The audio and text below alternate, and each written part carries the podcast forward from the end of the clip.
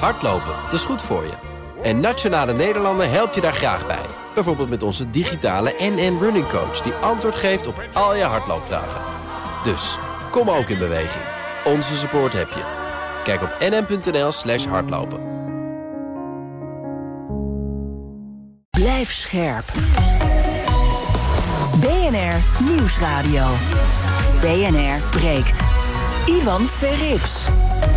Goedemorgen en welkom. Vanaf half twaalf praat ik over het nieuws van de dag. Over bieden op koophuizen. Dat zou eh, niet eerlijk en transparant gaan. En dat moet wel gaan gebeuren met een eh, biedboek. En over een waarschuwing van economen. Tekorten op de arbeidsmarkt. Nou, die kunnen nog vele jaren gaan duren. Ga ik over praten met mijn panelleden. Vandaag Amma Boaheme, voorzitter van de Landelijke Studentenvakbond. En Piet Rietman, hij is econoom bij het Economisch Bureau van ABN AMRO. Goedemorgen allebei. Goedemorgen. Hey, goedemorgen. We gaan beginnen met... BNR breekt. Breekijzer. Ons breekijzer is vandaag. We moeten nu vol inzetten op boosterprikken om corona weer onder controle te krijgen. In landen om ons heen zijn ze daar al volop mee bezig. Hier komen de eerste 80-plussers vanaf 6 december pas een keer aan de beurt. Zorgbestuurders van verpleeghuizen die laten al weten niet zo lang te kunnen wachten. En dat mensen inmiddels alweer op hun kamers zitten opgesloten. Intussen hebben ook uh, niet kwetsbare mensen misschien wel een booster nodig. Um, in Oostenrijk bijvoorbeeld is je QR-code vanaf volgend jaar nog maar 9 maanden geldig. Dus iedereen die al vroeg is gevaccineerd... kan dan niet meer op skivakantie. Beetje first world problems, maar toch. Tenzij je dus een booster hebt. Maar ja, kom je daar op tijd voor in aanmerking. En trouwens, één Janssen-vaccin is daar vanaf 2 januari helemaal niet meer geldig. Oftewel, moeten wij nu gaan uh, inzetten vol op die boosterprik? Of denk je, ja, weet je, dit is allemaal toch weer misschien een beetje valse hoop. Die eerste twee prikken hebben ook niet echt gebracht... wat ik ervan gedacht of gehoopt had. Wil je meepraten? Pak dan je telefoon en bel naar 020 468 4x0. 020 468 4 keer 0 Ik hoor graag van je. Wil je niet bellen, maar wel stemmen? Doe dat dan in de stories van BNR Nieuwsradio op Instagram. Aan het einde van het half uur krijg je een tussenstandje van me. Um, ik praat ook met Ger Rijkers, immunoloog bij het Elisabeth II Steden Ziekenhuis in Tilburg. Goedemorgen, Ger. Goedemorgen. Eerst maar eventjes uh, kort de terminologie. Want het gaat over boosterprikken hier. Maar je hebt ook verhalen over derde prikken. Is dat nou precies hetzelfde? Hoe zit dat? In dit geval is dat precies hetzelfde. Um, in het Rijksvaccinatieprogramma wat we um, uh, aanbieden aan, uh, aan pasgeborenen. Uh, daar heb je een, een eerste serie mm -hmm. op de vroege leeftijd, 2, 3, 4 maanden. En de booster komt dan pas op de leeftijd van 4 jaar. -hmm. Dus dat is een paar jaar later. Um, in wezen is dat uh, dan de vierde prik. Dus hier kunnen we zeggen, die derde prik, dat is hetzelfde als een boostervaccinatie. Ja. Nou, fijn, hebben we dat even uit de wereld geholpen.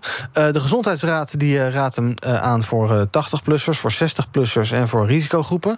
Ja. Maar demissionair minister De Jong heeft al gezegd, hij komt ook beschikbaar voor eigenlijk iedereen die dat wil, net als in andere landen. Wat is wat jou betreft wijsheid? Moet je dat doen als, um, ook als 40-jarige of als 30-jarige, als dat ding beschikbaar komt? Nou, ik vind uh, ten eerste, uh, uh, de minister heeft op 15 oktober advies gevraagd aan de Gezondheidsraad. Die hebben met recordsnelheid, in ieder geval voor Gezondheidsraad begrippen, met recordsnelheid hebben die een antwoord gegeven, twee weken later. Ik vind niet dat je het je nu kunt permitteren om dan te gaan treuzelen met het opvoeren, het opvolgen van dat advies. -hmm. En dus ik heb begrip voor, voor, voor de situatie in, in verpleeghuizen die zeggen van treuzel nou niet, begin nou gewoon. Um, er is voldoende vaccin. En uh, ik ga natuurlijk niet over de logistieke organisatie, maar ik denk dat iedereen daar wel uit kan komen. Ja. Um, voor uh, uh, de mensen onder de 60 is er eigenlijk nog geen, geen, geen reden om dat nu op stel en sprong te doen. Um, als je daardoor uh, niet uh, uh, kunt gaan skiën in Oostenrijk in januari, mm-hmm. dan is dat wel een argument, maar vind ik dat niet een, een, uit medisch oogpunt een hoogst urgent argument. Nee, dat begrijp ik. Uh, we gaan er zo even verder over praten. Uh, ik ga een kort rondje bij mijn panel doen. Dan gaan we zo even eventjes wat details uitdiepen. Piet, onze breekijzer vandaag. Ehm, we moeten nu vol inzetten op boosterprikken om corona weer onder controle te krijgen. Sta jij als eerste in de rij? Als ik word opgeroepen, ga ik wel, ja. ja. ja. Dat is ook het interessante hieraan. Je bent geen 60 plus, zeg ik er even bij. Nee, nog, nee. nog net niet. Nee, nee, maar het interessante hieraan vind ik wel dat uh, je weet van de groep mensen die al twee prikken hebben gehad, weet je dat ze kennelijk bereid zijn om prikken te laten zetten. Hè? Dus het is een uiterst uh, voorspelbaar efficiënte maatregel. Uh, je weet dat ze dan kennelijk ook geen weerstand zullen hebben tegen een derde. Dus in die zin is het uh, hartstikke slim. Ja, ja, is dat zo dat je weet dat ze geen weerstand zullen hebben tegen een derde? Want ja, we hebben inderdaad, veel mensen hebben die prikken gehaald. Die dachten, nou, dit is een deel van de uitweg van het virus. Mm. Nou, kijk uh, waar we nu staan. De ziekenhuizen in Limburg die uh, schreeuwen moord en brand. besmettingscijfers pieken. We krijgen komende vrijdag weer nieuwe maatregelen. Als je even simpel denkt, zou je kunnen denken... heeft het allemaal wel zoveel zin gehad? Ja, maar wat nog veel moeilijker is, is natuurlijk die ongevaccineerden. Dus hoe bereik je nou die mensen in Staphorst en in achterstandswijken... en hoe bereik je de mensen die denken dat het allemaal een is? Super ingewikkeld om beleid te maken om die mensen over te halen. En hiervan weet je dat mensen waarschijnlijk in de rij zullen gaan staan voor die prik. Ja, dus jij zegt vol inzetten. Uh, Amma, uh, ons breekijzer, we moeten nu vol inzetten op boosterprikken om corona weer onder controle te krijgen. Wat vind jij? Nou, ik denk vooral als je die verhalen hoort van mensen, oude mensen in verpleeghuizen die kwetsbaar zijn en die zo'n prik eh, eigenlijk gewoon nodig hebben om veilig te zijn, denk ik heel goed als je daar in ieder geval op inzet. Mhm. Maar ik deel ook wel de zorgen over de groep mensen die zich nu niet heeft laten vaccineren. En als je nu bijvoorbeeld straks eisen gaat stellen dat iedereen elke zoveel maanden een nieuwe prik moet krijgen, eh, dan, dan drijf je die groep waarschijnlijk uh, alleen maar verder van je af. En misschien ook wel de mensen die zich nu wel twee keer hebben laten vaccineren, maar ook zich er niet prettig bij voelen om dat te blijven herhalen. Dus ik zou zeggen voor nu goed als het wel een keuze blijft of je het wil doen of niet. Ja, dat begrijp ik. Ik ga een rondje bellers doen. Daarna gaan we nog wat zaken aan Ger voorleggen. Kijken hoe onze luisteraars hierover denken. Rogier, goedemorgen. Ja, goedemorgen Ivan. Uh, ik uh, had even de vraag: weet jij dat Rutte tijdens die conferentie in Glasgow zonder mondkapje zat? Nou, dat weet ik niet, maar dat heeft dat wat met de boosterprik te maken? Ja, want uh, die man die zou uh, de eeuwige eunige Rutte zou toch het voorbeeld moeten geven. Maar dan daarnaast, kijk, uh, zullen we nou eens andere onderwerpen relevant gaan vinden dan dat gezeik over die corona? Ja, ja, ik word een beetje cynisch hoor. Ja, ik snap het. Ja, nee, maar, maar jongens, we kunnen toch wel even wat wereldschokkender uh, uh, dingen aan de kaak stellen dan dat eeuwige corona ja. gebeurde. Ja, ik zou het er ook liever niet meer over hebben. Maar de actualiteit gebiedt ons dat wel. En we kijken elke ochtend van ja, wat is nou het belangrijkste onderwerp nu? Kijk ook altijd actief van, goh, is er iets anders dan, van, dan corona? Want jij bent ook al een beetje corona-moe allemaal. Maar ja, kijk maar in de kranten, kijk maar op teletext, kijk maar op nu.nl, waar dan ook. Het is helaas allemaal corona wat de klok slaat. En dat gebiedt ons ook een beetje om het erover te hebben. meneer Huigens, goedemorgen. Met wie? Nou, met BNR, maar u bent meneer Huigens. Ja, sorry hoor. Ja, nee, ja. geeft niet. Zeg het maar. Nou, ik ben het er nog niet mee over eens. En waarom niet? We weten allemaal dat het vertrouwen in, in de prikken in, in zijn totaliteit uh, daalt. Hè? Mm Dat is gebeurd, uh, begonnen met dansen, Jansen, met dans, dansen met Jansen. Ja. Nou, en uh, dus dan zou ik willen weten, boosterprik, dat is een soort aanvullende prik, geloof ik. Ja. Maar we weten helemaal niks. Wat, wat gaat hij dan doen en wat gaat hij dan op, oplossen wat de vorige blijkbaar niet hebben gekund? Dus we weten helemaal niks. Nou, als je het vertrouwen in deze prik, dus het toch veel duidelijker moeten zijn als dat het weer iets is, een vondst uh, om, om ja, verder te komen, helpt het? Ja. Dat is de vraag. Ja, goede vraag. Ga ik zo voorleggen aan Ger. Uh, Dirk, goedemorgen. Hallo. Hallo, zeg het maar. Goedemorgen, Dirk Driessen. Middag. Hi. Hoi. Uh, ja, ik ben wel voor een uh, boosterprik. En het liefst deze week al. Want uh, in Duitsland zijn ze al aan het prikken. Uh -huh. En met een Janssen-vaccin heb je helemaal een probleem straks. of voor je persoonlijke gezondheid, maar ook als je naar het buitenland wil. Ja. Dus kan wat mij betreft niet snel genoeg beginnen. Duidelijk. Rob, goedemorgen. Ja, goedemorgen met Rob Kwistenbeeld. Ja, ik vind het snel mogelijk beginnen met boosteren. We zijn al veel te laat. We lopen achter de feiten aan, zeker ten opzichte van andere mhm. landen. Bijvoorbeeld in België, het advies van weken geleden van de Hoge Gezondheidsraad daar. Dat zat prima in elkaar. Kijk, we hebben die boosterprik hebben we gewoon nodig. Vaccins zijn ontwikkeld tegen de Alpha-variant. We hebben nu de Delta-variant. We weten vanuit de ervaringen van Israël dat de antistoffen... die de primaire extra eerste verdedigingslijn zijn... dat het terug gaat lopen. En alles soort dingen. Het is in Israël heel effectief geweest. Dus zo snel mogelijk beginnen. En ten tweede, wat belangrijk is... als er in, dus in de bevolking die gevaccineerd is... als daar bijvoorbeeld uh, virussen gaan circuleren... en die virussen die gaan zich vermenigvuldigen... dan heb je veel grotere kans op, uh, op, op het ontstaan van wat men noemt escape-mutanten. Mhm. En dan zitten we daar weer mee wat dat betreft. En de WHO is ook al om, want die hebben toch geconstateerd dat het grote epicentrum van de pandemie, die zit op het noordelijk halfrond, gelet op de weersomstandigheden. Dus die maken zich ook een grote zorg. Dus ja, we, we hadden al hier veel eerder moeten en kunnen beginnen. Maar ja, zo snel mogelijk boosten, want het is effectief. We hebben dat gezien een paar maanden geleden al in Israël, hoe het daar naar beneden gedrukt is. Ook de, de circulatie van het virus, de verspreiding van het virus. En dat is op basis van neutraliseren de antistoffen die na zes maanden uh, vaccinatie teruglopen. Dank Rob. En tot slot van dit blokje even, we gaan zo nog wat bellers aan het woord laten. Maar Frodo? Ja, goedemorgen. Uh, hey, uh, een booster, hè, dat is een kermisattractie. Maar uh, dat weten we toch allemaal oh ja, wel. Ja. Laat, ons, laat ons niet voor de gek houden. Hey, iets wat twee keer kut is, dat is drie keer ook kut. ik heb zelf ook twee van die spuiten erin. Dus, -hmm. maar voor mij hoeft het niet meer. Nee. Want het blijkt toch dat alles, alle antistoffen afnemen. Kijk, mijn vrouw die werkt in een verpleeghuis. Mm -hmm. Dus dan weet waar de klappen van de zweep vallen. Ja. Uh, er zijn veel doden gevallen. Maar één ding, het is nog na twee jaar is nog steeds niet die ventilatie aangepakt. En dat, daar moet al die miljarden in gestopt worden. Ja. Dat is gewoon schandelijk dat het niet. Ik kan wel prik nummer drie, vier, vijf erin gooien, maar uh, gaat niet werken. Duidelijk, dankjewel voor het bellen. Ger, ik heb uh, meerdere uh, dingen gehoord waar je misschien iets over moet vertellen. Uh, het vertrouwen in die, in die, in die coronavaccins. Um, ik schets het net ook al eventjes aan Piet. Als je de nieuwsberichten nu ziet, als je om je heen kijkt... als er nieuwe maatregelen aankomen... dan zullen heel veel mensen toch denken... wat heeft dat ding in vredesnaam uitgehaald? Ja, dat, ik begrijp die reactie wel... je bent twee keer gevaccineerd, dat zou goed moeten zijn. en nou is dat blijkbaar in één keer niet meer goed. Um, het punt is toch dat we zitten met een enorm aantal besmettingen en, uh, en ziekenhuisopnames en intensive care. En dat kun je niet negeren. En ook in de verpleeghuizen zie je het, zie je het opkomen.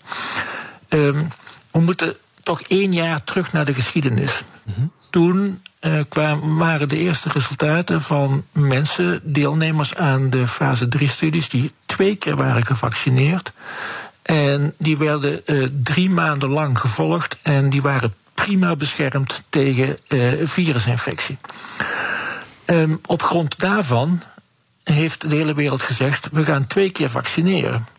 Maar nu zijn we verder dan drie maanden na de tweede vaccinatie. We zijn een half jaar verder. En dan zien we dat in risicogroepen, met name in de ouderen, uh, de bescherming toch wat afneemt. Ja. Alle reden om dus een derde dosis te geven. Betekent dat dan, he, kun je zeggen van dat het ook vier, vijf, zes, zeven keer moet? Hm. Ja, dat, dat, dat, dat weten we niet. Eén man die zei, we weten niks. Nou, daar ben ik niet mee eens. Maar dat we niet alles weten, daar ben ik het wel helemaal mee eens. Uh, we gaan moeten zien hoe lang zo'n derde dosis straks bescherming geeft. Hopelijk de hele winter en het voorjaar. Hm. En dan krijgen we een nieuwe zomer en de meeste coronavirus houden zich dan rustig. Ja. En dan moeten we precies kijken van hoe zal het in het najaar van uh, eh, 2022, hoe zal het gaan? Misschien is het nodig om dan weer een extra dosis te geven. Allemaal dat zou, ik, allemaal dat ik, zou samen kunnen met de griepvaccinatie. Ja, allemaal als ik Ger zo hoor, dan blijft het wel een beetje aanmodderen, zeg. Tering. Ja, het is een beetje om moedeloos van te worden. Hè? Dat je, je, hoop, je, we hoopten er met die twee prikken al vanaf te zijn en dat blijkt niet zo te zijn. Maar aan de andere kant eh, voelt het ook wel als iets wat we gewoon moeten gaan accepteren: dat corona erbij gaat horen. En moeten we een weg vinden om daarmee om te gaan, denk ik. Ja. Uh, Ger, net wat Piet zei, die zei ja, misschien mensen die niet gevaccineerd zijn, dat is een veel groter probleem dan mensen die nu een derde prik gaan krijgen. Uh, deel jij dat? Is dat inderdaad zo? Dat is ook een veel groter probleem. Omdat de niet gevaccineerden, eh, die hebben de grootste kans om echt ziek te worden van de infectie. En de welgevaccineerden, de meeste welgevaccineerden, eh, die hebben hoogstens lichte verschijnselen, maar mm -hmm. meestal hebben ze niet eens in de gaten dat ze nog een keer besmet zijn geraakt met ja. het virus. Dus het gaat om de ongevaccineerden. Ja, dus je zou zeggen, als je moest kiezen tussen iemand die twee prikken heeft gehad, of één keer Jans heeft gehad en nu een, een, nog een prik erbij geven, of iemand die nog helemaal niks heeft gehad en daar effort in steken om ervoor te zorgen dat die gevaccineerd raakt, dan dat laatste. En dan dat laatste, maar uh, er is in Nederland uh, ruim voldoende vaccin om iedereen die een, een derde boosterprik wil, om die te geven. En dat gaat helemaal niet ten koste van die anderhalf miljoen Nederlanders die nog helemaal nul prikken hebben gehad. BNR breekt. Ivan Verrips. Met in mijn panel Amma Bouwahema van de Landelijke Studentenvakbond... Piet Rietman, econoom bij ABN AMRO... en immunoloog Ger Rijkers. We praten over ons breekijzer. We moeten nu vol inzetten op boosterprikken... om corona weer onder controle te krijgen. Wil je reageren? Pak dan je telefoon en bel naar 020 468 4 keer 0 020 468 4 keer 0 En stemmen op ons breekijzer kan ook via de stories... van BNR Nieuwsradio op Instagram. Um, Ger, ik zag uh, vandaag, een, of eigenlijk van gisteravond... een uh, LinkedIn-berichtje van uh, Maurice van den Bos van het OLCG over de effectiviteit van vaccins na zes maanden. En daaruit blijkt dan uh, Moderna uh, zakt naar 58% Pfizer zakt naar 43% en Dansen met Janssen zakt naar 13,1 Um, 850.000 mensen hebben die Janssen-prik gekregen in ons land, waaronder veel jongeren, waaronder veel zorgmedewerkers. Is het Nederlandse wonder dan toch niet zo heel bijzonder? Nou, uh, uh, het verhaal van Janssen is als volgt. Um, de studie die is gedaan met het Janssen-vaccin, dat was één dosis. En dat gaf een, een mooie bescherming, maar een stuk minder dan, dan Pfizer en Moderna. Een stuk minder. En het blijkt ook uit studies die daarna zijn gedaan dat twee keer Janssen veel beter is. Maar ja, het is geadverteerd als één keer is voldoende. Mm -hmm. En dat is blijkbaar niet zo. En ik voel dus wel mee met Oostenrijk. Die zeggen van ja, als je nou een jaar geleden één keer Janssen hebt gehad, dat vinden we niet volledig gevaccineerd. Dat is, -hmm. dat is ook niet volledig gevaccineerd. Dus het lijkt mij redelijk om, om te zeggen dat als je één keer Janssen hebt gehad, ja. dat het toch raadzaam is om een tweede dosis te krijgen. En dat mag dan best met Pfizer. Ja, ik had al bedacht een nieuwe slogan: dansen met Janssen, wijzer met Pfizer. Dat is misschien leuker. Ja, nou, dat zou heel mooi zijn. Ja. Piet, ben jij een dansen beetje met Janssen, dat, was, uh, dat vond ik uh, niet slim hoor van, uh, van de minister om nee. te doen alsof je één dag na vaccinatie al beschermd bent. Dat kan helemaal niet. Piet, ben jij een beetje een wintersporter? Ja, best wel. Maar Oei. ik vind het wel eng uh, nu eigenlijk. Zeker ook dat. Oostenrijk ook of Italië? Ja, of, maar uh... daar is het allemaal begonnen ook. Hè, ja, hoe dat virus naar Nederland kwam. Dat was Engeland. Een, ja, ja, hartstikke eng. Ook uit het verleden. Ja, uh, maar zou jij een, een, derde vaccin nemen om die reden? Of zou je zeggen, nou, ik neem een derde vaccin vanwege de gezondheidsredenen? En nou. niet zozeer dat je dan in februari lekker kan skiën met. Dat is, wel een, dat is wel een luxe probleem. Nee, ik zou gewoon, als ik word opgeroepen, dan ga ik. Want ja. uh, er zijn heel veel wetenschappers die erover nadenken of dat een goed moment is om het uh-huh. aan uh, mensen aan te bieden. En als dat dan wordt aangeboden, ga ik ervan uit dat het goed is. Ja, we gaan ook even luisteren naar onze grote roerganger, demissionair coronaminister Hugo de Jonge. Die kreeg gisteren in Nieuwsuur de vraag of we niet te laat zijn met die boosterprik. Eigenlijk waar wij het nu ook over hebben. Uh, nou, luister even allemaal mee. Dan hoor ik graag of jullie er zo meteen chocola van kunnen maken. Nee, we zijn echt uit voorzorg dienen we die boosterprik toe. Voordat de daadwerkelijke afname van immuniteit zichtbaar is tegen ernstige ziekte of ziekenhuisopname. Dat zegt ook de Gezondheidsraad. De Gezondheidsraad zegt ook: het is niet een instrument om uh, de vierde golf tegen te gaan. Dat is het niet. Uh, het, het, is wel nodig om op tijd te zijn met die boosterprik. Maar op tijd betekent voordat je daadwerkelijk ziet dat er afname is van bescherming tegen ernstige ziekte of ziekenhuisopname. Ja, is dit voor jou helemaal logisch, uh, Ger? Nou, niet helemaal. Het punt is dat niemand weet hoeveel antistoffen je nou precies nodig hebt om beschermd te zijn. Ja. Dat, dat, dat, is helaas zo. We kunnen daar geen, geen, geen drempelwaarde voor aangeven. Um, maar als je kijkt, um, en dat zijn getallen uit, uit Engeland, uh -huh. bij 70-plussers, en dat is eind september, dus dat is toch alweer even geleden, dat bij 70-plussers zijn in Engeland voor 99% gevaccineerd, echt 99%, en 86% heeft antistoffen. Ja. Dus dat is minder. Ja. Um, en dat is niet zo bij, bij, bij 40 tot 60-jarigen, daar is dat gewoon gelijk, mm -hmm. maar wel bij ouderen. Dus ouderen die, die, die zijn kwetsbaarder. Um, en vaccineren is vooruitzien en ook booster vaccineren is vooruitzien. Als je gaat wachten tot echt uh, het, uh, de immuniteit nog verder is afgenomen. Mm -hmm. Ja, dan ben je te laat om met je campagne te starten. Ja. Uh, nog een paar bellers tot slot van dit half uurtje. Um, Fred, goedemorgen. Goedemorgen met Fred van der Laar. Zeg het maar. Ik vind dat uh, er te veel nadruk wordt gelegd op die boosterprik. Uh-huh. Als iemand dat wenst, ik denk dan aan de kwetsbaren, is dat prima. Maar als je goed kijkt naar de verspreidingswijze van het coronavirus, dat, dat uh, heeft gelijke tred met uh, het griepvirus. Uh, dus het behoort tot de groep van de adenovirussen. En dat weet de geachte heer ook, die net heeft gesproken. Rijkers, ja. De verspreidingswijze is hetzelfde als het griepvirus. Dus moet je de basisregels toepassen Ja. en handhaven.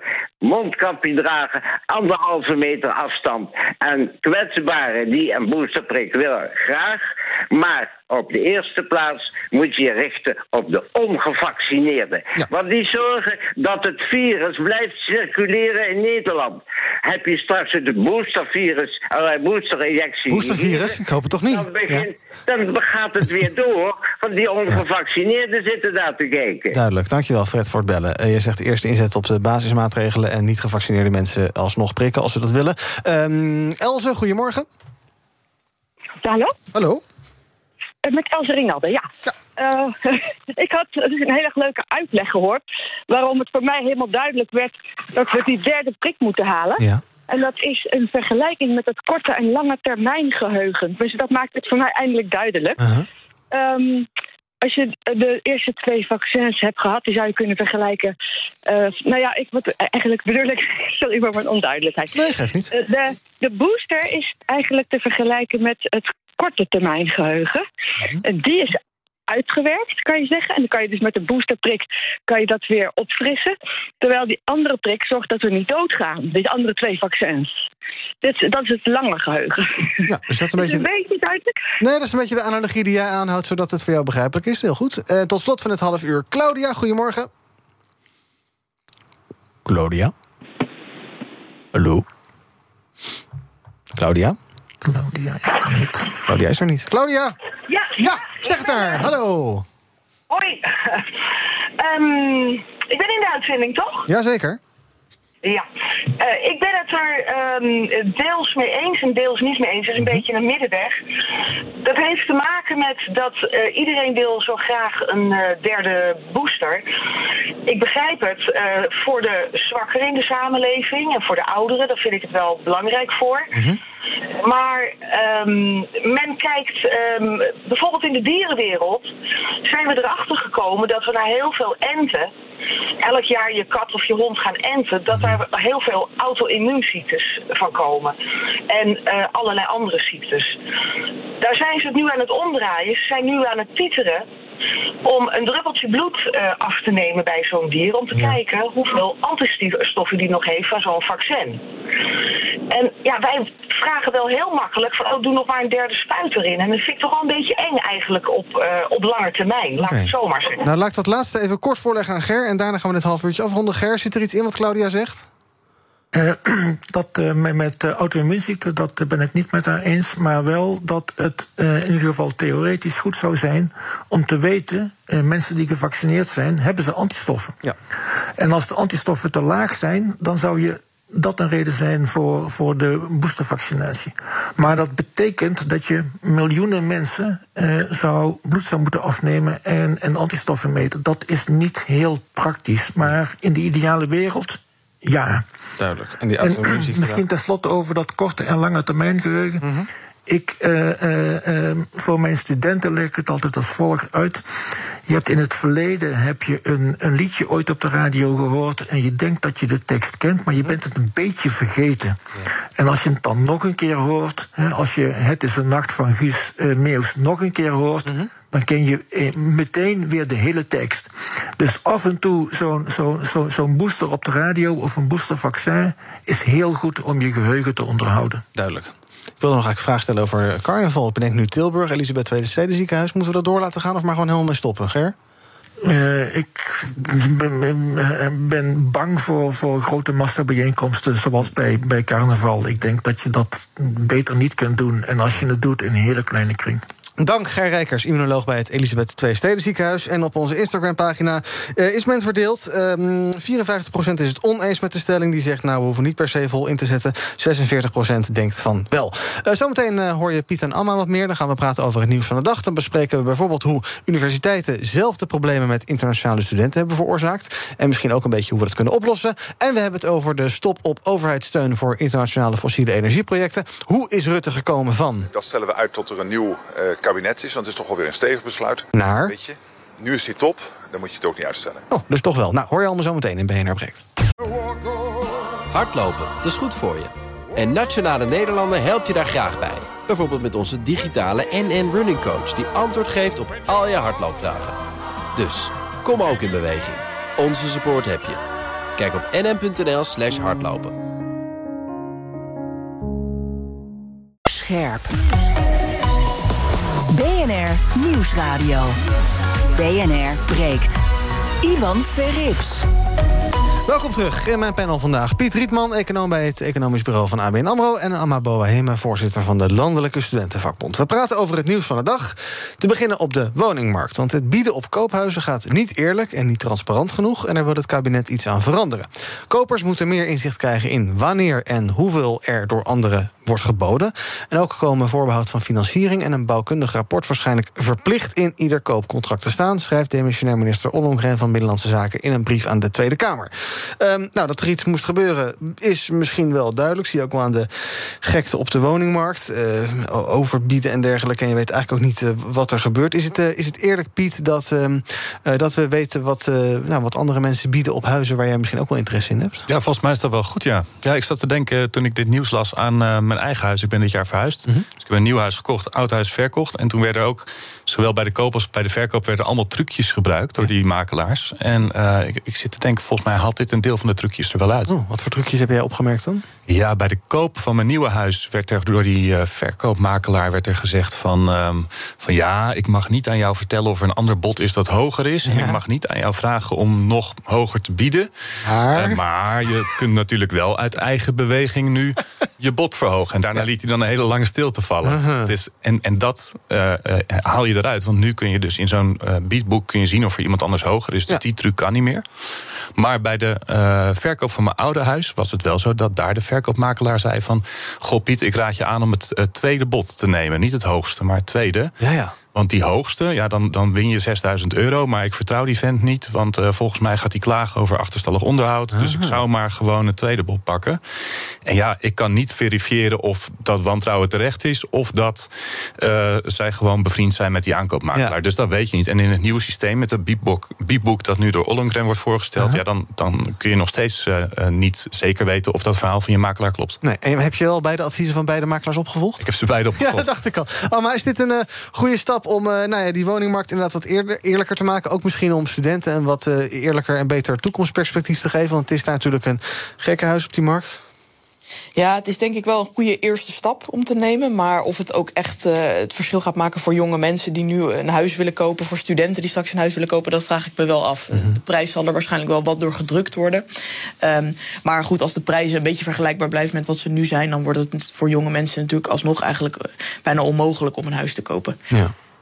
We spraken vanochtend ook even met Hans-André de Laporte... van de Vereniging Eigen Huis, de club van de huizenbezitters. Hij zei dit. Het bieden op een huis, dat voelt een beetje alsof je in het donker... een bal in het uh, doel moet schieten. En daarnaast de lijn, langs de lijn staat de makelaar die roept alleen maar... hoger, hoger, hoger. Ja. En uh, daar, gaat het echt, daar gaat het echt helemaal mis. Ja, dus dat is ook een beetje wat jij uh, ja, ervaarde, Piet. Dat er veel wordt gemarchandeerd misschien. andere maatregelen die zij, zij dus voorstelt... voorbehoud van financiering verplicht stellen... bouwkundige keuring verplicht stellen. Want nu in deze gekke huismarkt uh, halen mensen dat er vaak uit om maar snel een huis te kopen. En dan denk je, nou ja, dan uh, kunnen we lekker opschieten. Is het verstandig om ook daar wat zekerheid en een beetje saaiigheid in te bouwen? Ja, tuurlijk. Um, dat zijn allemaal maatregelen die een beetje de gekte uit de markt halen en het proces ietsje eerlijker of ietsje transparanter maken. Mm -hmm. Zijn wel allemaal, ik vind het wel allemaal uh, maatregelen van het type. Uh, we veranderen een beetje iets in het proces, maar we veranderen niks aan de onderliggende economische beweging. Dus het is allemaal technocratisch. Hè? En als je uh, iets wil doen aan de veel te hoge waardestijgingen, dan moet je ook gewoon aan de vraag- en aanbodzijde echt iets doen. Mm -hmm. Moet je iets doen aan het aanbod van woningen, maar dan moet je ook gewoon iets aan doen dat mensen heel veel kunnen neerleggen. Daar ook toe genoodzaakt zijn, omdat er geen middenhuur is, omdat de sociale huur. we zouden daar de puntengrens van op kunnen trekken dat mensen minder de noodzaak voelen om iets te kopen. Dat zijn allemaal echt de grote maatregelen. De jubelton afschaffen, ja. hypotheekrente aftrek afbouwen. Ja, dat zet zo aan de dijk. Dit is ook goed, maar mm -hmm. het is wel klein bier. Ja. Uh, Amma, tot, tot, slot zie je het al voor je dat je uh, lekker op Funda gaat zoeken. Want het is een hobby van heel veel mensen. Het liefst tijdens werktijd om lekker op Funda te zitten en daar te scrollen om huizen te bekijken. En dat je daar dan dus net als een beetje bij Marktplaats, dat je dan alle biedingen naar gaat kijken. Dat je kunt zien van, oh, dat huis is zoveel over de kop gegaan. En zit je daar naar uit? Of denk je, nou, dat hoeft voor mij niet zo? Nou ja, dat, dat, ik, dat ik ga zoeken en ga rondkijken, dat, dat zie ik nog wel gebeuren. Maar Mhm. dat ik ook echt iets kan kopen. Ik Ja. weet niet of dat erin zit. Want eh, oh, ik denk, denk ook met dit soort maatregelen blijft natuurlijk zo dat er, dat er heel veel mensen, eh, investeerders gaan zijn die veel meer geld hebben. En ook als het, de biedingen wel transparant zijn, die mij er eh, lachend uitbieden waarschijnlijk. Dus dan eh, blijft het bij scrollen, ben ik Ja, dan moeten we misschien weer meer bij de maatregelen van Piet zijn. We gaan een rondje eigen nieuws doen. Kijken wat jullie is opgevallen eh, in het nieuws vandaag en de afgelopen dagen. Piet, jouw nieuws begon allemaal met eh, deze woorden. But the biggest issue is to go from the bla bla to action. We have now to implement. Juist, dat zijn Mark Rutte in eh steenkolen Engels op de klimaattop in Glasgow. Die roept op tot actie voor het klimaat. Maar die steenkolen, daar gaan we nu wel vanaf. Het Engels van hem vrees ik niet. Piet, het was wel een beetje een opmerkelijke draai van Rutte wat daar nou gebeurde. hè. Eerst eh, eh, niet meedoen, maar nu wel meedoen. Ja, ja, from bla bla to action. Ja. Ik, maar ja, je kunt altijd klagen als politici met een draai komen. Maar je kunt ook gewoon blij zijn dat ze draaien. Want het gaat de goede kant op. Zo kun je het ook zien. En ja, daarom vind ik dit mooi nieuws. Het is positief nieuws. Het laat zien. Dat lees je eigenlijk in al die reconstructies. Hè. Bijna alle grote Nederlandse kranten hebben een reconstructie geschreven van waar die draai nou vandaan kwam. Bijna allemaal wijzen ze ook naar de klimaatdemonstratie die er was. Dat Ja. dat extra druk op de ketel heeft gezet. Dus ja, de, de afdronk hiervan is toch ook wel dat demonstreren werkt. En dat vind ik weer heel leuk. Ja, en jij nam een artikel mee uit het Algemeen Dagblad. Het gaat over twee mensen, twee eh, dertigers, 31 en 30 zijn ze. Eh, Niels Hazekamp en Laurie van den Burg. Eh, dat, die ken ik niet. Wie, wie zijn dat? Weet ik ook niet. Oh.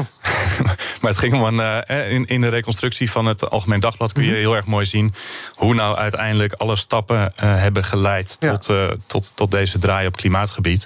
Ja, en dan spelen eigenlijk heel veel mensen een rol. Het zijn zeg maar de mensen die demonstreren. Mhm. Maar het zijn ook ambtenaren die op zo'n top even in het uh, heetst van de strijd een advies geven dat uh, Nederland helpt de goede richting op gaan. En zo uh, speelt eigenlijk iedereen zo'n rol in het bestrijden van klimaatverandering en in het beleid de goede kant op krijgen. Ja, het zegt dus ook dat je als relatief onbekend iemand die misschien niet zoveel te, te, zeggen heeft in deze wereld, dat je dus ook met z'n allen wel een, een, vuist kan maken. Alma, uh, Piet zegt ook, ja, het maakt me eigenlijk niet zoveel uit nou ja, dat die draai gemaakt is. Er waren vijf dagen voor nodig, maar uiteindelijk fijn dat dat toch gebeurd is. Het daarmee eens? Uh, ja, ik ben zeker blij dat het gebeurd is. Uh, en, en ook wel opgelucht, want de verwachtingen van, van Rutte op zijn klimaattop zijn bij mij niet zo heel hoog. Mm -hmm. Maar je ziet inderdaad, wat, wat Piet ook zegt, dat actievoeren werkt. Ik was zaterdag ook bij de Klimaatmars en het was zo'n enorme stoet mensen. Um, en er wordt wel eens gevraagd of dat dan zin heeft om, om de straat op te gaan en te protesteren. Maar je ziet wel dat we toch druk kunnen zetten op die manier op de politiek. En dat er wel stappen genomen worden die uiteindelijk echt nodig zijn om iets aan het klimaat uh, te doen. Ja, want jij denkt ook wel dat Rutte dan om zich heen kijkt in dit soort gevallen. En dan na een tijdje denkt van ja, dit is toch niet echt helemaal goed vol te houden. Wat, uh, wat ik hier eerst besloten heb. Alma. Ik hoorde je even niet meer. Oh, sorry. Ik zei, jij denkt ook dat Rutte dan om zich heen kijkt... en dan die demonstranten ziet en uh, Kamerleden ziet die zich opwinden... en dan ook denkt na een tijdje van... nou ja, uh, dit is toch niet helemaal vol te houden, dit standpunt om niet mee te doen. Ja, nou, dat denk ik wel. Ja. Ja, je ziet, dat is denk ik een trend die je door de jaren heen wel hebt gezien. Dat de VVD is niet van oudsher de partij die het meest voor het klimaat in de bres springt. Maar omdat mensen toch steeds er zoveel lawaai over maken en de straat erover opgaan, moet die wel. Alright. Jij wilde het hebben over een column uit de Volkskrant. Uh, die gaat over de grote toestroom van buitenlandse studenten in uh, Nederland. Uh, ik geloof dat nu zo'n 80.000 buitenlandse studenten in Nederland zijn. 23 procent van het totaal. Um, lang verhaal kort. Um, ja, ik krijg eigenlijk het idee dat Nederland als onderwijsland... een beetje aan zijn eigen succes ten onder is gegaan. Of kan je dat zo zeggen? Um, ja, kan je wel zeggen. Ik weet ook niet of ik Nederland, Nederland nog het onderwijsland nee. zou noemen. Want zo, zo goed is het voor studenten al, al lang niet meer. En mm -hmm. ook voor, voor docenten trouwens ook niet. Um, en inderdaad, er zijn gigantisch veel internationale studenten... die, die elk jaar naar Nederland komen om hier te studeren. Mm -hmm. En die eigenlijk um, ja, van een koude kermis thuiskomen. Want er, zijn hier, er is hier te weinig, we kunnen ze te weinig bieden. Zeker als het gaat over huisvesting. Dan betekent dat voor internationale studenten vaak in een noodopvang slapen... in een heel duur hostel slapen. Uh, of, of na verloop van tijd zelfs weer terug moeten uh, naar het land waar je vandaan bent gekomen, omdat je hier gewoon geen woonplek kan vinden. Uh, en die trend zie je eigenlijk elk jaar zich herhalen. En, en universiteiten die, die, zeggen, die zeggen nu dat ze in de problemen komen en die willen meer handvaten om. om uh, ja, om dat het uh, hoofd te bieden. Ja. Maar wat wij eigenlijk zien is dat universiteiten zelf ook niet genoeg doen om die internationale studenten te waarschuwen. En dat ze ook zelf meer verantwoordelijkheid daarin zouden moeten nemen. Maar waarom komen die studenten dan nog als het eigenlijk misschien toch niet zo best hier meer is?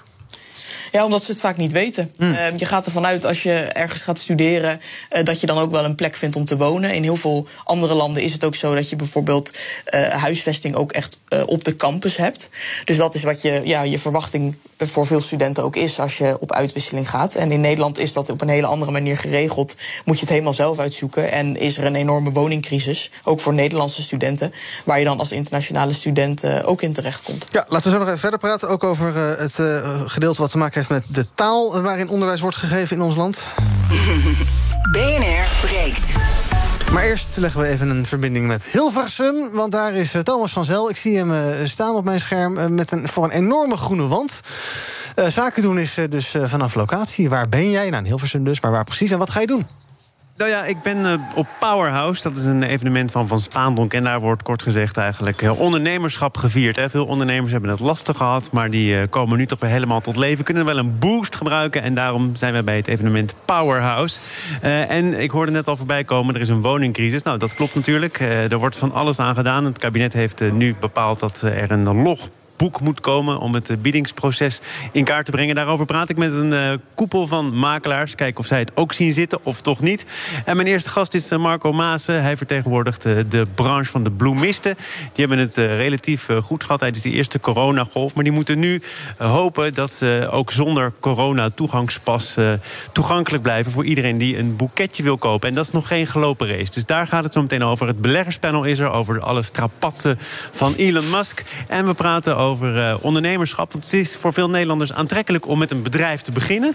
Mhm. Dat wordt gewaardeerd. Maar als je dan te groot wordt en te succesvol wordt, ho, ho, ho, dat kan niet de bedoeling zijn. En dat zou wel eens een belemmering kunnen zijn om echt door te stoten naar een internationaal succes. Hmm. Blijkt uit onderzoek van de Universiteit Utrecht. Dus daarover gaat het zo meteen allemaal vanuit Hilversum in BNR Zaken doen. Over 12 minuten op deze zender met Thomas van Zel. Zo is BNR breekt. Nog even allemaal over dat verhaal rondom die universiteit en die buitenlandse studenten. Uh, uh, Pieter, is het, het, nou, de, we hebben al vaker besproken, investeren in onderwijs hartstikke goed. Uh, nou, Nederland, onderwijsland, was misschien ooit zo. Ik weet niet of dat nog zo is, maar die analyse die, eh, moeten we maar een andere keer maken. Wat zegt jou het dat er eh, heel erg veel, dus zo'n 23% van de studenten niet Nederlands, uit Nederland komt in ons land? Nou, dat, dat zegt iets over de kwaliteit van onze universiteiten. Mhm. Dus op zich is dat iets goeds. Dat we niet weten hoe we er om, mee om moeten gaan. En dat er geen huisvesting voor is, dat is natuurlijk wel heel erg triest. En dat zegt iets over hoe wij. Uh, met onze universiteiten omgaan. Hè. Dus, dus uh, wij zien kennelijk universiteit als een plek waar studenten aankomen met een grote zak collegegeld. Mhm. Na vier jaar spugen we die weer uit in de arbeidsmarkt op. Ja. Zou de universiteit ook kunnen zien als een onderdeel van de samenleving waar mensen worden opgeleid om een plek in te nemen in die samenleving. En waar je dus een, in een academische gemeenschap wat opbouwt met elkaar. Dat is een heel andere, niet-economische manier van naar universiteiten kijken. Mhm. En ja, Ook een daar. utopische manier, toch? Nou, of niet per se? Dat lijkt me gewoon hartstikke leuk. Ja. en, en goed voor ons allen. Ja. En uh, ja, als je op zo'n manier naar een universiteit kijkt, dan hoort daar ook bij dat je op een goede manier mensen huisvest. Dat, er, uh, dat je zorgt dat iedereen mee kan doen. Dat is een heel andere manier dan dat je buitenlandse studenten binnenhaalt voor geld. En dat je die na vier jaar weer dumpt. Ja. Dat je daar nooit meer wat van hoort. Ja, ja want die meeste internationals die vertrekken inderdaad ook weer naar hun studie. Uh, gaan zij weg omdat het hen hier niet bevalt? Of gaan zij weg omdat ze ergens anders betere kansen hebben en denken ze, joh, middelvinger naar Nederland? Ja, dat zal, dat zal een combinatie van beide zijn. Maar we doen kennelijk in ieder geval niet genoeg om mensen die we opleiden ook te behouden. Mm. Ik denk dat als je mensen uh, naast hun studie allerlei dingen aanbiedt. en als er uh, behalve een universiteit ook een academisch klimaat is. met banen die daarbij horen. met een goed maatschappelijk debat. waarin uh, wetenschappers en studenten ook een rol spelen. ja, dan voel je je ook veel meer thuis in Nederland. en zul je misschien eerder blijven. Ja, Alma, tot slot. er is best wel vaak kritiek op al het Engels dat op universiteiten wordt gesproken. Nou, als je zegt van dit is een probleem dan kan je gewoon weer lekker veel Nederlands gaan praten. Dan komen die uh, niet-Nederlandstalige mensen niet meer op. Probleem opgelost. Ja, nou, daar, daar, herken ik me toch niet helemaal in. Want het kan wel degelijk echt een, een, toegevoegde waarde zijn. Ook voor Nederlandse studenten, als er veel internationale studenten hier naartoe komen. Hm. Zeker als je een studie doet die wat internationaler georiënteerd is. waarmee je misschien uiteindelijk ook in het buitenland wil gaan werken. Dan kan het heel handig zijn als je andere culturen leert kennen. Ook leuk eh, en ook nuttig als je bijvoorbeeld veel les in het Engels krijgt. Dus dan is het, heeft het echt een functie. Maar we zien wel inderdaad vaak dat, dat Engels onderwijs ook wordt ingezet om bijvoorbeeld internationale studenten te trekken. Terwijl het eigenlijk helemaal niet van toegevoegde waarde is van de studie. En dat is wel iets uh, ja, wat ze niet zouden moeten doen, wat ons betreft. Dan gaan we het nog even hebben over het personeelstekort in ons land. Dat blijft nog jaren, denken economen van ING, Rabobank en ABN Amro, zeggen ze bij deze zender, bij BNR. Piet, jouw collega Jan-Paul van der Kerken spraken we vanochtend. Um, is dat een beetje een toffe peer? Dat is een ontzettend toffe peer. Okay, goed om te ja, weten. Hij legt uit uh, hoe dat nou komt, dat uh, probleem, dat dat nog jaren duurt. Er zijn een aantal conjuncturele factoren die de huidige krapte kunnen verklaren. Dus dat zijn uh, dingen die bepaald worden door de coronacrisis. Maar er zijn ook een aantal structurele problemen. Dus we hebben te maken met een verouderende beroepsbevolking. We werken internationaal gezien ja. veel in deeltijd. Wat, wat, wat, maakt dat we ook wat minder arbeidspotentieel hebben. Ja, en er is wat sprake van wat sectorale mismatches, denk ik. Dus dat zijn factoren die misschien meer op structurele, uh, aan de structurele kant zitten. Ja, uh, nou, je collega noemt een aantal structurele problemen dus. Uh, wat, wat, dan mag, jij de, mag hij het op de problemen noemen, mag jij de oplossingen noemen, nu we er toch zijn? Nou, de, de, de interessantste is, ehm, dat, zijn die, dat is die vergrijzende beroepsbevolking. -hmm. want, want die laat zien dat het een blijvend probleem is. Als ehm, de uh, bevolking vergrijst. Uh, dus veel mensen met pensioen gaan, dus de arbeidsmarkt verlaten. Tegelijkertijd groeit de economie. Dan heb je dus eigenlijk blijvend arbeidsmarktkracht. heb je blijvend personeelstekorten. Dat betekent dat we moeten zien te leven met een economie waarin altijd eigenlijk personeelstekorten zijn. Um, en uh, daar zitten nadelige kanten aan. Um, maar daar zit vooral ook uh, aan vast. En daar hamer ik dan altijd op. Dat de lonen uh, natuurlijk wel stijgen zodra er tekorten zijn. Dus daar zitten allerlei hele positieve kanten ook aan. En ja, dat is ook de oplossing voor de meeste ondernemers op dit moment. Hè. Die willen bijvoorbeeld dat mensen meer uren gaan werken. Mm -hmm. Nou, als je wil dat mensen in plaats van 24 uur 32 uur werken, dan is een verbetering van de arbeidsvoorwaarden echt het voor de hand liggende middel. Ja, is dat ook goed nieuws voor de generatie van Alma? Want uh, ja, ja. Uh, nou, maar ook even, ik ga het eerst even Pieter. Is, is het goed nieuws okay. voor de generatie van Alma die binnenkort op de arbeidsmarkt komt? Uh, ja, als je met allemaal heel veel stokoude mensen zit, dan is er, heb je misschien een goede onderhandelingspositie? Ja, dan in principe, in theorie verbetert dan je onderhandelingspositie. Maar, maar we kunnen collectief steeds minder goed onderhandelen. Heel veel mensen in Nederland vallen niet onder een CAO. Ledentallen van vakbonden nemen af. -huh. Dus in theorie zou dit moeten leiden tot uh, een betere onderhandelingspositie, ook collectief. Uh, maar goed, daar moet je wel wat voor doen met z'n ja. Zie je uit naar de arbeidsmarkt uh, na studie en dergelijke, Alma? nou ja, als de lonen omhoog gaan, dan ga ik er wel meer naar uitkijken. Ik denk dat dat een, een hele goede stap is. In ieder geval minimumloon naar 14 euro. Mensen eerlijk betalen voor het werk dat ze leveren. Dat lijkt me een goede oplossing. Ja, waar zie je tegenop dan? Nu? Um, nou ja, ik, ja, je ziet ook, je hebt wel heel veel onzekerheid waar, ja. je, waar je tegenaan kijkt. Krijg je wel een vaste baan? Uh, wat, wat is het, het, het, salaris dat je betaald krijgt? En kan je daarmee je studieschuld afbetalen? Kan je daarmee een huis kopen of een huis huren überhaupt? Dat zijn wel allemaal zorgen die uh, niet alleen ik heb, maar ik denk uh, iedereen in mijn generatie. Ja, uh, Piet, uh, tot slot. Uh, deze korte duren dus nog tijden. Wat gaan de effecten daarvan zijn? Gaan we meer mensen uit, uit buitenlanden betrekken om de functies te vervullen die we zelf niet willen doen? Of wat, wat denk jij? Ja, dat correspondeert dus met die loonsverhogingen. Ja. werkgevers willen die loonsverhogingen niet geven of niet, niet voldoende. En daardoor zullen ze altijd zoeken naar andere um, oplossingen. En ja, het is de vraag in hoeverre die oplossingen beschikbaar zijn als wij blijven doorgaan met het, met het toestaan dat arbeidsmigranten met z'n allen in een bungalow uh, uh, wonen. En mm -hmm. dat de huisbaas ook de uitzendbaas is. Dat soort ja. belachelijke constructies. Ja, dan maken we het voor werkgevers ook makkelijk om naar andere oplossingen dan loonsverhogingen te zoeken. Ja, dus we zijn er zelf ook een beetje bij. Tot slot van deze uitzending gaan we nog even kijken wat er trending is op de socials. Onder andere hashtag Stop Carnaval Brabant. Al die mensen hebben gisteren naar BNR Breekt geluisterd. Hashtag Jinek is trending. Daar mocht Wieberen van Haga weer eens aanschuiven. Veel mensen waren boos omdat uh, deze corona-ontkenner weer een podium kreeg. De formatie is trending. Oh ja, die was ook nog bezig. Geen idee hoe het ervoor staat, want niemand zegt iets. Hashtag Sinterklaas is trending, omdat hij volgens Diewertje Blok gevaccineerd zou zijn. En dat maakt mensen boos. Dit zei Blok bij 538. Hij is zeker gevaccineerd. Misschien heeft hij ook een boostertje gekregen. Ik weet het niet zeker, maar het zou zomaar kunnen. Ja, Sinterklaas is ook politiek geworden. En hashtag Gerard Joling is trending. Die zat gisteravond bij VI en dat was uh, ouderwets gezellig. Kijk, ik heb dat ding 54 keer in mijn neus gehad. Dat stop je met dat watje. En dat was ik wel een keertje goed. Nou, gelukkig was het in je neus. Nou, ik had liever wat anders gehad. Je wou wat anders zeggen, Jan, of niet? Ja, zo. Ik had ook liever wat in mijn mond gehad, maar geen stokkie.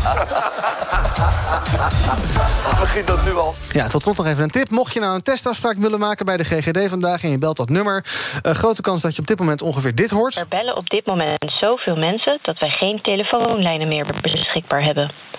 Wilt u ons alstublieft over 30 minuten nog eens bellen? Wij moeten helaas de verbinding met u nu verbreken. Ja, die lijn klonk echt dermate gammel. Ook de bestaande lijnen klonken voor geen meter. Uh, probeer het dus later nog even of doe het via coronatest.nl. Tot zover BNR Breekt voor vandaag. Dank aan mijn panelleden. Amma Boaheme, voorzitter van de Landelijke Studentenvakbond... en Piet Rietman, econoom bij het Economisch Bureau van ABN AMRO. Uh, morgen ben ik er weer en nu kan je luisteren naar uh, Thomas van Zel met Zaken doen. Tot morgen. Hardlopen, dat is goed voor je. En Nationale Nederlanden helpt je daar graag bij. Bijvoorbeeld met onze digitale NN Running Coach... die antwoord geeft op al je hardloopvragen. Dus, kom ook in beweging. Onze support heb je. Kijk op nn.nl hardlopen.